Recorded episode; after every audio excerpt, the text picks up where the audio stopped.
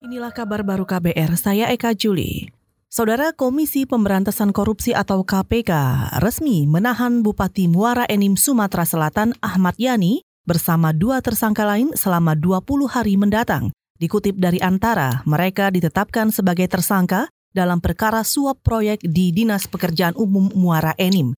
Ahmad Yani bersama pejabat Dinas PU Muara Enim Elvin Muhtar disangka menerima suap dari pemilik PT Endra Sari Robi Oktavah Levi sebesar 35 ribu dolar Amerika Serikat atau sekitar 500 juta rupiah. Suap itu merupakan komitmen fee 10 persen sebagai imbalan karena PT Endra Sari mendapat 16 paket pekerjaan senilai 130 miliar rupiah Wakil Ketua KPK Basaria Panjaitan mengatakan, penyidik mengidentifikasi aliran dana suap dengan total 13,4 miliar rupiah yang pernah diterima Bupati sebagai imbalan atas berbagai paket pekerjaan di Pemkap Muara Eni.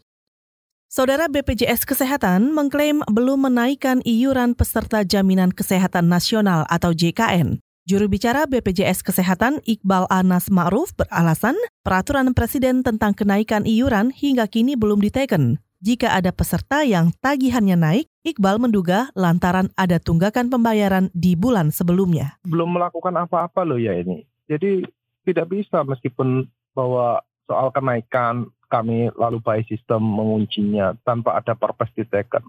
Kondisinya kan perpesnya belum diteken nih. Lalu ada bersuara, ternyata dia bayar 160 ribu. Lalu dipikirnya bahwa dia membayar hanya satu bulan. Yang dibayarnya itu dua bulan karena dia memang belum bayar. Itu tadi juru bicara BPJS Kesehatan Iqbal Anas Ma'ruf. Sebelumnya, pemerintah memastikan akan menaikkan iuran BPJS Kesehatan untuk menekan defisit.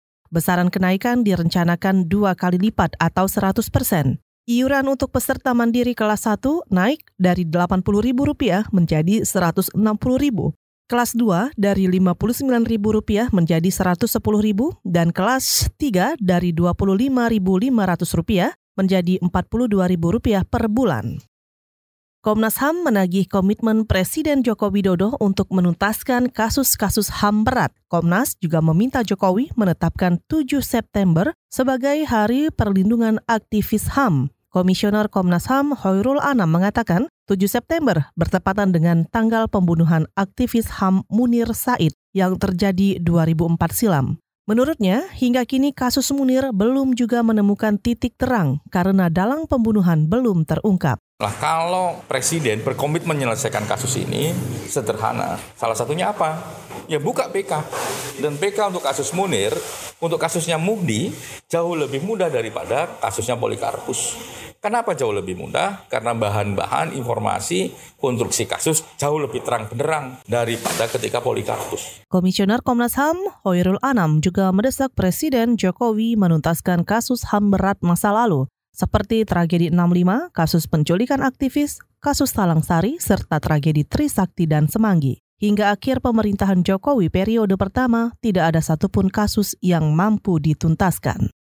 Saudara pemerintah kota Solo menjamin keamanan warga Papua termasuk dari perlakuan rasial. Selengkapnya disampaikan kontributor KBR di Solo, Jawa Tengah, Yuda Satriawan. Pemerintah kota Solo menjamin keamanan dan kenyamanan warga Papua yang tinggal di kota Bengawan ini. Wali kota Solo Hadi Rudiatmo usai foto bersama sekelompok warga berbusana tradisional daerah di Indonesia berharap konflik yang terjadi di bumi cendrawasih itu segera berakhir dan tidak merembet ke daerah lain. Rudi juga mengungkapkan vandalisme provokasi terkait Papua di mana pelaku masih diburu polisi di Solo sudah dihapus untuk menjaga kondisivitas keamanan kota Solo. Solo siap memberikan suasana yang nyaman-nyaman bagi warga masyarakat Indonesia yang ada di Solo, khususnya teman-teman dari Papua. Kita jamin keamanan. Vandalis kemarin?